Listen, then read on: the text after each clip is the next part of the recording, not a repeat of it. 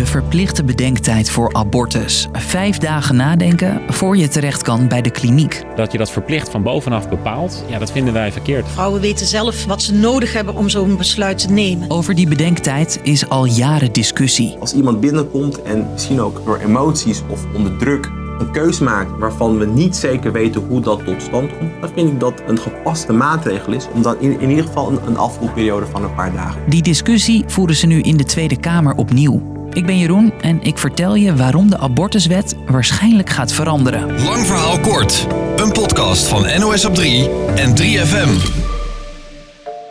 Ben je ongewenst zwanger en wil je een embryo of de foetus laten weghalen, dan kan je een abortus aanvragen. Via je huisarts die je doorverwijst naar een kliniek of door rechtstreeks een afspraak te maken bij de kliniek zelf. Zodra je een eerste afspraak hebt gehad, moet je thuis verplicht vijf dagen nadenken of je wel echt een abortus wil. Die bedenktijd is belangrijk, vindt dus onder meer Gert-Jan Segers van de ChristenUnie. Als je kijkt naar de redenen voor een abortus, is het grootste deel, dat zijn sociale redenen. Dus dan gaat het inderdaad om, kan ik het aan, kan ik het nu aan, eh, heb ik hulp? En als je dan in die vijf dagen weet, ja, maar die hulp is er, dan kun je ook tot een ander besluit komen die uiteindelijk ook het leven van dat kind redt. Idee is dat je, door er vijf dagen over na te denken, een vrijwillige en wel overwogen beslissing maakt. Maar niet iedereen denkt er zo over. D66, PvdA, VVD en GroenLinks willen dat de verplichte bedenktijd verdwijnt. En Eva is het daarmee eens. Zij onderging zelf een abortus. Ik wist dat ik zwanger was en ik wist dat ik mijn zwangerschap wilde afbreken. En vervolgens moest ik nog minstens vijf dagen misselijkheid doorstaan. Ik was doodmoe. Ja, ik vond het heel vervelend en bemoeierig. Volgens Stichting FIOM, die gespecialiseerd is op het gebied van ongewenste zwangerschappen, zijn de meeste vrouwen die een abortus ondergaan tussen de 25 en 35 jaar. En klopt het beeld dat de meeste mensen hebben over een abortus niet helemaal. En vaak is de beeldvorming dat het gaat om, om jonge meisjes die uh, wat onnadenkend zijn geweest. Maar dat blijkt uh, niet uit de cijfers. Het kan echt iedereen overkomen. En volgens deze abortusarts betekent het afschaffen van de bedenktijd ook niet dat zwangeren er niet meer goed over zullen nadenken. Als iemand zeker is van zijn besluit, hoef je ze niet nog een keer vijf dagen weg te sturen. Voor iemand die wel twijfelt, is dat prima om hem nog een paar dagen langer na te gaan denken of drie weken na te gaan denken. Maar dat doet niet af aan dat wij dat elke keer zullen checken. Een wetsvoorstel om de verplichte bedenktijd af te schaffen is niet nieuw. Oud D66-Kamerlid Pia Dijkstra opperde het eerder al. Een abortus is, hoe je het ook wendt of keert, voor een vrouw een hele moeilijke beslissing. Er is geen enkele vrouw die zo'n beslissing onbezonnen neemt.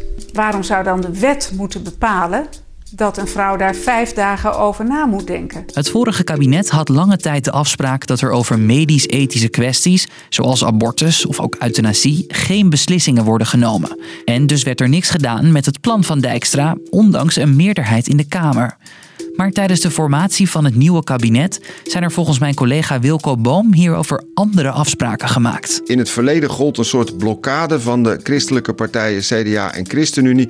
Maar die hebben zich er nu bij neergelegd dat het in de Kamer behandeld kan worden en dat elk Kamerlid los van fractiediscipline zal kunnen oordelen. Dat was vooral voor D66 in de formatieonderhandelingen een belangrijk punt.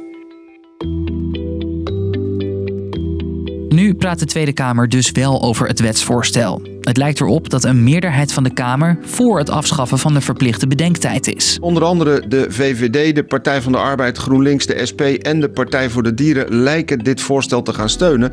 Ja, en dan is er een Kamermeerderheid en is het dus gedaan met die bedenktijd. Zodra de Tweede Kamer heeft gestemd, dan gaat het plan naar de Eerste Kamer. Het is volgens Wilco nog afwachten of er daar ook een meerderheid voor het plan is. Daar zijn de politieke verhoudingen anders dan in de Tweede Kamer en het is uh, van sommige partijen nog niet bekend of ze ermee gaan instemmen, doordat die partijen dat zelf nog niet weten. Dit is trouwens niet de enige abortuswet die op tafel ligt. PvdA en GroenLinks hebben ook plannen voor de abortuspil. Die kan je tot negen weken van je zwangerschap veilig nemen en zorgt voor een miskraam. Zulke pillen kan je nu alleen nog krijgen bij een abortuskliniek of het ziekenhuis. Maar GroenLinks en PvdA willen dat je hiervoor ook bij je huisarts terecht kan. Volgens deze arts en vrouwenrechtenactivist een goed idee. Ik denk dat alle vrouwen in Nederland daar vaat bij hebben als je gewoon naar je huisarts gaat. Dat je daar kan bespreken dat je zoals alle andere medicijnen een recept krijgt en dat je het gewoon kan doen in je eigen situatie thuis met degene met wie je wil. Ook daarover praten de partijen binnenkort in de Tweede Kamer. Dus, een lang verhaal kort. Wil je een abortus ondergaan, dan moet je daar nu thuis eerst verplicht vijf dagen over nadenken. Meerdere partijen willen al langer van deze verplichting af, maar onder meer ChristenUnie en CDA hielden dat tegen. Zij vinden de bedenktijd juist erg belangrijk. Nu er een nieuw kabinet is, ligt het plan over het afschaffen opnieuw op tafel. Net als een plan voor de beschikbaarheid van de abortuspil. Dat was de podcast voor nu. Morgen opnieuw een lang verhaal, maar dan lekker kort. Doei!